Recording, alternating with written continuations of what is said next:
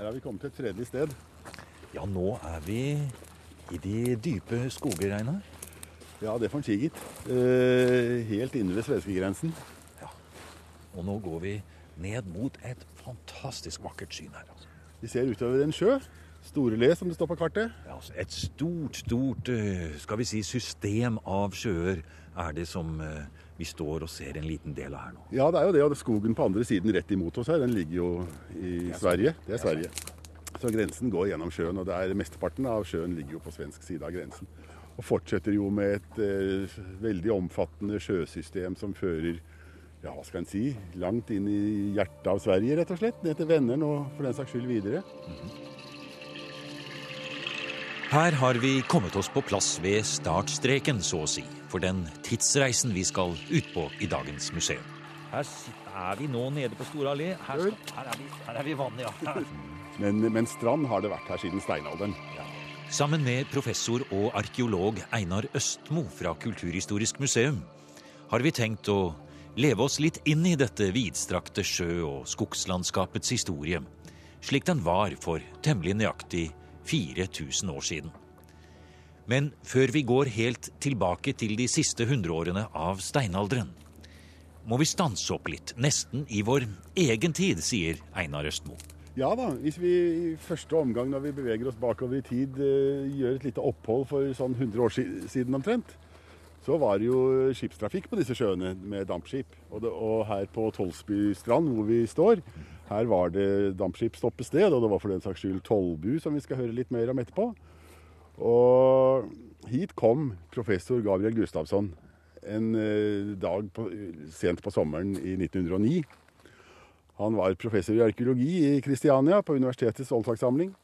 Og han var svensk. Han hadde tatt med seg eh, Han er jo berømt som den som grov ut Osebergskipet, det må vi først og fremst si. Men eh, han hadde mange andre interesser enn det, og en interesse som han hadde tatt med seg fra sine yngre år som arkeolog i Sverige, det var interessen for steinalderen. Og da også interessen for steinalderens eh, gravmonumenter, disse steinkistene, megalittgraver og hellekister og forskjellige sånne gravformer. Som han hadde undersøkt en del i Sverige. Og som han var opptatt av å finne i Norge også. Og så kom han da med dampbåten hit til Tollsbystrand. Ja, og jeg lurer på om ikke, hvis vi snur oss litt her, ser du står den jernringen der, som er slått ned i en stor stein her. Kan hende båten fortøyde i den. Ja, det er jo til bryggefundamentet Ja, som lå her, vet du. Visst. Ja. ja, da får vi gå der som Gustavsson gikk. Da gjør vi det. Her ligger en kano. Vi går oppover i gresset her nå. Nå går vi opp til et eh, lavt, lite enetasjes eh, hvitmalt hus. Ja. Nesten bare ei lita stue, kan vi si. Ja. Men det er den gamle tollbua. Og den ble bygget altså da ja, tidlig i 1890-årene antagelig. Og da Gustavsson kom hit, så fikk han høre at der hvor dette huset står, der hadde det stått Der hadde de funnet, da de bygde huset, et kammer av steinheller. Eh, Det er jo en sånn liten høyde her akkurat i ja, på en måte er det vel det. Og det, kammeret var bygget sånn at det var to store steinheller som dannet endene, og så var det mindre heller langs sidene. Og så hadde det vært en stor takhelle da, som tak over dette kammeret, på sånn ca. to ganger én meter. Og den lå den gangen som trappehelle foran Akkurat huset her. her. Nå er det en støpt, moderne trapp der. Ja, det er det. Og den trappehella er forsvunnet. Det er mulig at den lå i ei brygge nede ved vannet her en periode, men nå vet vi ikke hvor den er. Men det var jo fantastisk, og han ble selvfølgelig veldig oppmuntret. da. Endelig, endelig. Det var jo synd at den var ødelagt, men allikevel. Og det var tatt vare på litt funn. De hadde funnet eh, eh, noen saker av flint oppi denne herre Som de, hadde, som de hadde tatt vare på. som de hadde tatt vare Ja. på. Og så, så det var altså da en dolk av flint, av sånne som var veldig skal vi si, utbredte, vanlig i bruk på, helt i slutten av steinalderen, som egentlig er laget som en slags etterligninger av kobberdolker eller bronsedolker. En sånn og spissen av en til hadde de tatt vare på. Og dermed så erklærte han, høyt og tydelig må vi tro, at nå var altså Norges første hellekiste funnet. Det var ikke helt sant. Fordi det hadde vært funnet steingraver tidligere. På verket eh, ved Svelvik på den andre siden av Oslofjorden i 1880, og enda en gang til så sent som i 1900, var det funnet to slike graver. Og enda tidligere i Vestfold, nede i Ramnes, på Klopp i Ramnes, i nåværende Re kommune, var det så tidlig som i 1853 gjort et funn av noe som må ha vært et sånt steinkammer. Og det var funnet en megalittgrav i Skjeberg av Anders Lorang. Så noe var det funnet. Men eh, for Gustavsson der og da, så var det likevel han, han, han hadde funnet en helligkiste i Norge. Og grava er borte. Dolkene fins fremdeles på Kulturhistorisk museum i Oslo. Det vi har igjen, er Gustavssons beretning og så har vi jo landskapet rundt. Og så har vi landskapet. Og i dag skal vi gjøre noe veldig morsomt, syns jeg, Einar. Du har lovt oss at du nå skal ta med oss innover i terrenget her i Aremark i Østfold, inni disse dype skogene som vi har kjørt holdt jeg på å si, milevis nå innover i. Helt inne på grensa til Sverige er vi nå. For vi skal nemlig lete etter andre sånne forekomster av disse spesielle hellekistene, gravskikken fra steinalderen.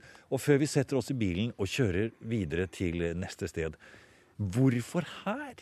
Altså I dette området som i dag fremstår som så avsidesliggende, langt borte, dypt inne i skogene, det er knapt nok en grusvei å lete etter, og ikke står det nesten noe på GPS-en engang. Vi må gå etter lukta, holdt jeg på å si. Men altså, hvorfor her? Vi står jo og ser utover årsaken. Vi ser utover uh, sjøen. Storli, og det er den som har brakt det hit. Altså, helligkister er bare ett uttrykk for den ekspansjonen inn til Norge som skjedde i slutten av steinalderen, av folk som drev jordbruk, som slo seg ned, bygde gårder øh, og la grunnlaget for alle tiders jordbrukssamfunn senere. De kom langs, over havet fra Jylland, og de kom langs sjøene og elvene øst fra Sverige og sørøst fra og f.eks. hit. Og akkurat eh, den bølgen den nådde så langt som hit. Og da må vi huske på at sjøene var den opplagte måten å reise på. Dette var ikke avsides. Tvert imot. Det var mm, så å si slagne, slagne landevei. Og det er, det er et, et, et, motorveisystem nesten i steinalderen, altså. Professor Einar Østmo forteller at den legendariske Gustavsson reiste noen kilometer videre til Aspestrand. Der viste lokalbefolkningen fram noen helt konkrete steiner som ikke hadde forsvunnet i trapper og grunnmurer, og som Gustavsson helt definitivt kunne si var restene etter et 4000 år gammelt gravmonument. En ekte helligkiste. Her står vi, det er gårdsveien, og så er det en flott, gammel uh, bjerkeallé. Så vi går imellom her nå, da. Og det er et tun vi går frem mot der. Men midt på tunet Ja, er det det jeg tror det er? Det er nok det. Nå, nå er vi på Fange, det heter det her. Det Gustavsson ikke visste, var at det i dette området rundt Store allé og Aremarksjøen skjulte seg mange flere spor etter den monumentale gravskikken fra yngre steinalder. Ja, altså er, vi ser eh, rett og slett et avlangt Eh, hva skal vi si, kanskje godt og vel to meter langt kammer av steinheller, stående steinheller. Rektangulært, da. Eh, hellene de står og danner veggene, og én helle ligger igjen av, av taket. Mm -hmm. Så det er, det er, et gravkammer, rett og slett. Og det er fra slutten av steinalderen. Akkurat som det som var forsvunnet nede på Tolsby strand. Og i, likhet med det Gustavsson grov ut restene av på Aspestrand i 1909, da han kom dit. Eh, og her står gårdshund der borte, og det springer to katter her. Og vi står, ja, vi vekker litt oppsikt blant eh, gårdens dyr her nå. Men det viste seg at det skulle være altså flere helligkister.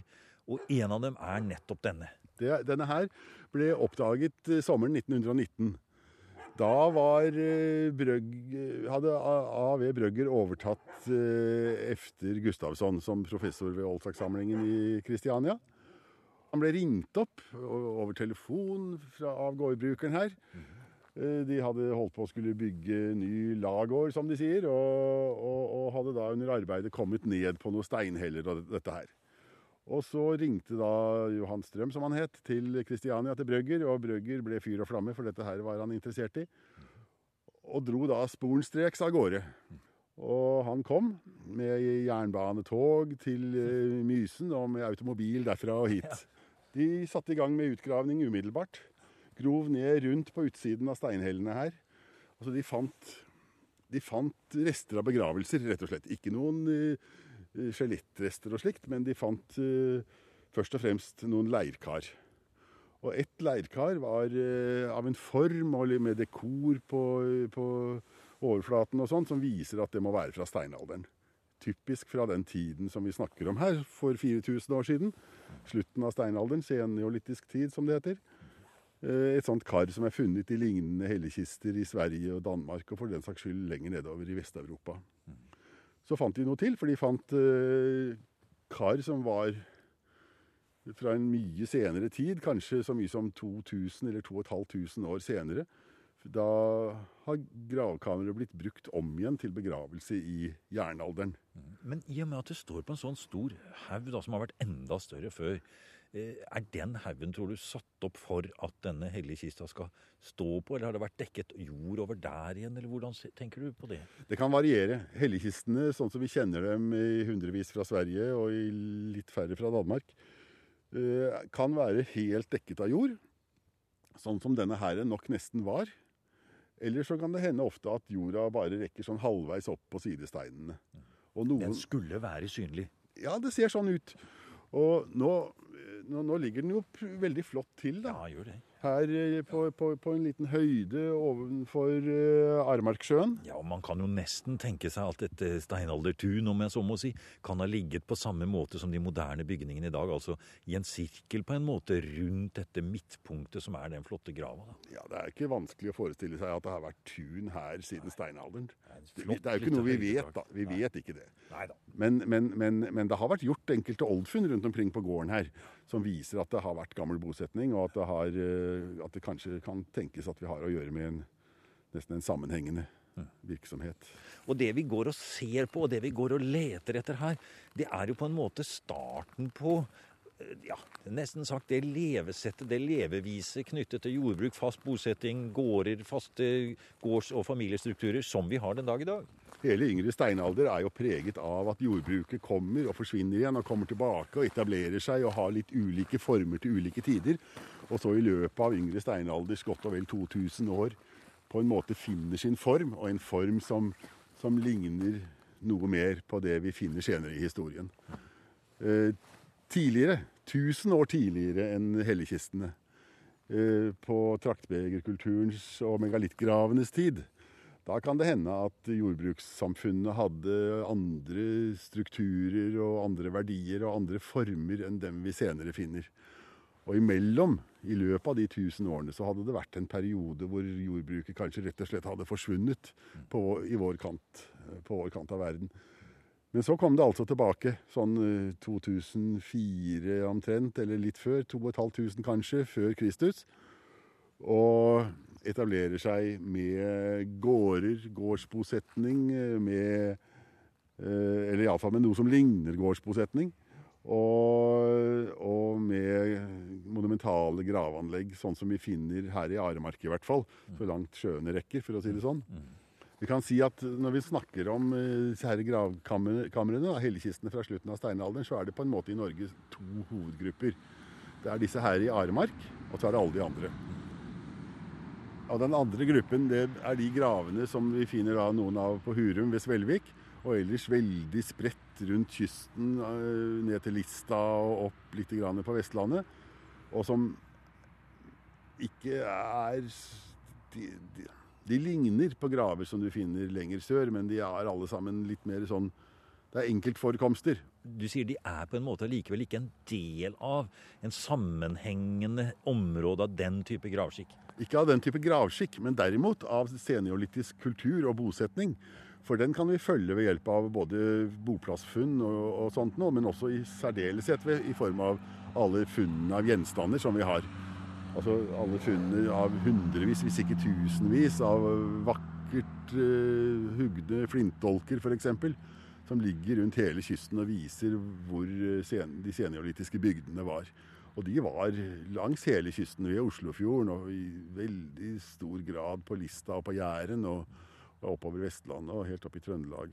Det er rart å tenke på det at eh, de som henger sammen med eh, Danmark og Sverige, og som har denne helt spesielle gravskikken som du kjenner igjen fra de forskjellige stedene hvor jeg er i den vestre kanten av nå Det er rart å tenke på at de som kommer derfra, de på en måte går ikke ut til kysten på et vis. Det er akkurat som sjøene her danner en ytre, vestre grense for dem. Og at det er nesten er sagt en annen avlegger eller en annen retning som da er langs kysten av Oslofjorden øh, og sånn. Og de kommer kanskje også da har kanskje da også en annen reiserute inn i området.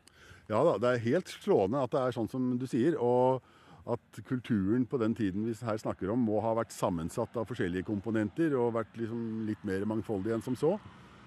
Og det vi finner her i det indre Østfold, da, det er noe som har spredt seg langs sjøene og elvene østfra.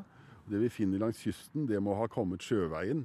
Det også, for så vidt, men da over havet. Fra oppover langs kysten av Vest-Sverige og over havet fra Jylland. De har krysset eh, Skagerrak? Det har de gjort, og det har de antagelig nettopp da gjort for første gang i fullt alvor. Det er da den sjøveien åpnes, og det ser vi av utbredelsen av funnene. Med ett slag så er forbindelsen mellom Jylland og Sørvest-Norge etablert. Og på en helt annen måte enn den hadde vært sånn, hadde sagt bare dagen før. altså. Så det har vært en oppfinnelse, og det har vært en nyskapning. Og oppfinnelsen var da en annen båttype, da? Det må det ha vært. Og det er antagelig ja, det kan ha vært den første virkelig alvorlige forløper for de båtene vi senere kjenner i historien fra bronsealderens helleristninger og fra funn fra Danmark og, og ja, Hjortspringbåten, Nydambåten og for den saks skyld når vi kommer så langt som vikingskipene. Og kan man reise den ene veien, så kan man også reise den andre veien. Og kan ha en helt annen kontakt med Jylland og kontinentet nedover. Det er en spennende tanke, Einar. Det er det. Og der langs kysten, det ble jo opphavet til en, ja, til en hel historisk tradisjon. Det ble opphavet til landet Norge, rett og slett. Nordveien. Mens eh, her inne det var på en måte et slags stjerneskudd, denne her tidlige bosetningen, altså de senneolitiske helligkistene. Det er ikke det er, I en norsk kulturhistorisk sammenheng så er det litt oppsiktsvekkende at vi har disse helligkistene her inne. Men, men, men, eh, i senere historie så følges det ikke i samme grad opp av sånne skal vi si, litt spektakulære funn. Det er hverdagen på det jevne, sånn som det for så vidt er her fremdeles. Skal vi prøve oss innover her? Vi får gjøre det. Det er jo tjukke skogen her, da. Noe mer eh, indre Østfold enn her vet jeg ikke om det blir så lett. Professor Einar Østmo er lokalt kjent i dette området.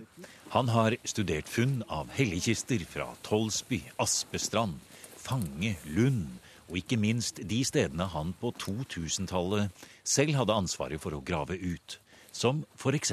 kongegrava i Marker, og her, ved nok en øde skogsvei i Aremark, i nærheten av Kollerød.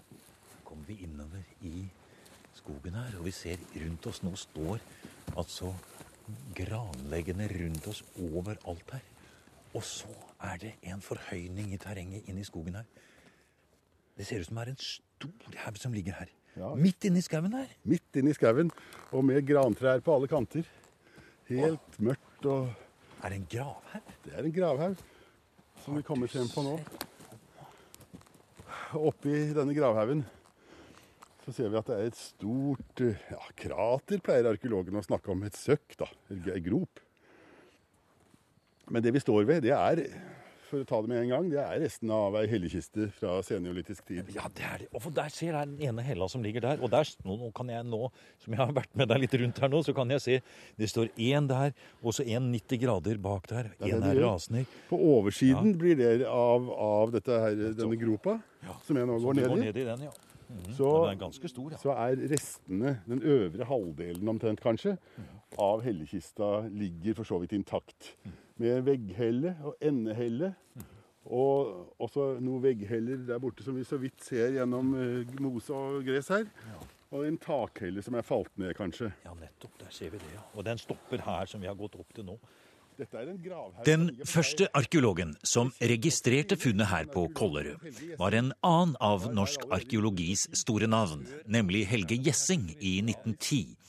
Og merkelig nok kan man kanskje si i dag, når man tenker på gullrekken av navn som Gustavsson, Brøgger og Gjessing, som brukte mye tid på det som i datiden ble sett på som sensasjonelle funn, så forsvant helligkistene fra den arkeologiske dagsorden i 50 år før Kulturhistorisk museum og Einar Østmo satte i gang sine undersøkelser for noen få år siden. Etter de første store funnene gikk hellekistene rett og slett av moten. Ja, det gjør det. Altså, Brøgger vender seg mot en og lanserer rett og slett som et stort forskningsprogram en eh, nasjonal, for ikke å si nasjonalistisk arkeologi, ja, som skulle vende seg mot det lokale, det særlige, det egne, det norske. Sammenhengen mellom land og kultur. Og hvor han bruker både geografien til, i landet og senere kulturtradisjoner og sånt noe som ramme for fortellingen om forhistorisk tid. Hellekistene og andre sånne uttrykk for det som de nok har tenkt på som en fremmed ting i det norske kulturlandskapet. Fremmed fordi det kom fra Danmark og Sverige og kontinentet? Ja, det må ha vært noe sånt. Ja. I alle fall så går eh, steingravene, og det de kalte megalittkulturen, da, det går eh, i glemmeboken. Ja. Nå har, vi, nå har vi beveget oss rundt i, skal vi si, hellekistenes uh, verden, i monumentene, dødsmonumentene som dette var, en ca. 2000 før vår tidsregning. Så går denne perioden på en måte over i det som vel vi kan kalle for bronsealder, f.eks., og da blir gravmonumentene helt annerledes. Vi kjenner disse store rullesteinsrøysene som ligger på høye punkter i terrenget, og som er så tydelige i dag, og som mange kjenner selvfølgelig, og er lett å se. Ja, de er jo mange flere enn hellekistene, og de ligger veldig mye mer prominent synlig i landskapet. De ligger, som du sier, på toppen av åser og på holmer og skjær langs kysten. Men jeg tror nok det at bronsealderens gravskikk på en måte er en egen, ny skikk, som uh, nok bygger på nye impulser av et eller annet slag utenfra, og ikke på noen lokal utvikling fra disse gravene. Det er to forskjellige tradisjoner, egentlig. Som Så man går over fra denne Eh, kunstferdige, flotte sarkofagen over til disse store røysene, som jo også i bunnen ofte har en, en kammer, en kammer ja, av sten. Da. Dypere sett er det sikkert snakk om samme tradisjon når du går langt tilbake og liksom ser la oss si, begynner å løfte blikket og ta inn Europa under ett og sånn, så er det sikkert to utslag av den samme lange, gamle tradisjonen for å bygge sånne graver. Og det kan godt hende at hvis man virkelig skal begynne å, å snakke om sånt, så så kan det være en tradisjon som strekker seg langt tilbake i historien og har en opprinnelse på steppene i Ukraina, der hvor våre indoeuropeiske forfedre kom fra en gang i tiden. Og det er interessant å tenke seg hvordan denne senneolitiske perioden som vi står med, med disse helligkistene, er litt mer beskjeden på en måte. Den, den, går inn i terrenget, er kanskje litt mer lavmælt i sin form. Den holder seg mer til et lukket eh, landskapsrom.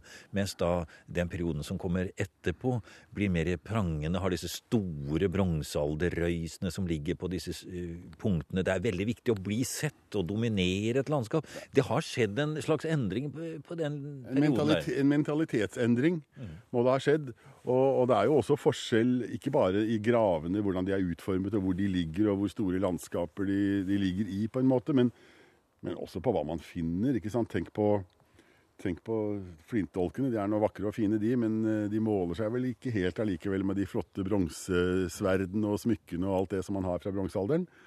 Som kanskje har enda litt mer schwung over seg, på en måte. Men likevel så er det sånn at du i ditt arkeologliv, i de senere eh, årene i hvert fall, har vært veldig engasjert i nettopp denne perioden her. Eh, og det er det ikke så mange andre som har vært, og kanskje ikke så mange som er nå heller. Men det er på en måte en, en del av vår eh, fortid like før bronsealderen som kanskje trenger å komme litt frem i lyset? Det var lenge sånn, i hvert fall. Den var litt sånn neglisjert av forskningen ganske lenge. Nå I de siste årene så har det forandret seg mye. Det er mange nå som er opptatt av seniorlitisk tid og tenker og skriver og forsker mye om det. Både når det gjelder monumenter og den slags, men også når det gjelder boplasser med hustufter etter de første langhusene. Og likedan når det gjelder det aller tidligste metallhåndverket, som jo begynner å melde seg på den tiden. En overgangsperiode som blir mer og mer spennende for, for, forskerne. Ja, og en periode som har vært viktig historisk, fordi det er, ser jo ut til at det er på den tiden veldig mange trekk i historien grunnlegges som kommer til å få stor betydning i, eh, i kulturhistorien senere i Norge og, og Norden. Så her vokser det grønn mose. Og så vokser det kantareller her, ser du det? Er det kantareller her òg? Tjukt av kantareller der borte. Ja, du er jo sånn soppmann. Jeg tror vi må nesten ta oss og plukke litt sånn. Jeg tror det. Ja. Da gjør vi det.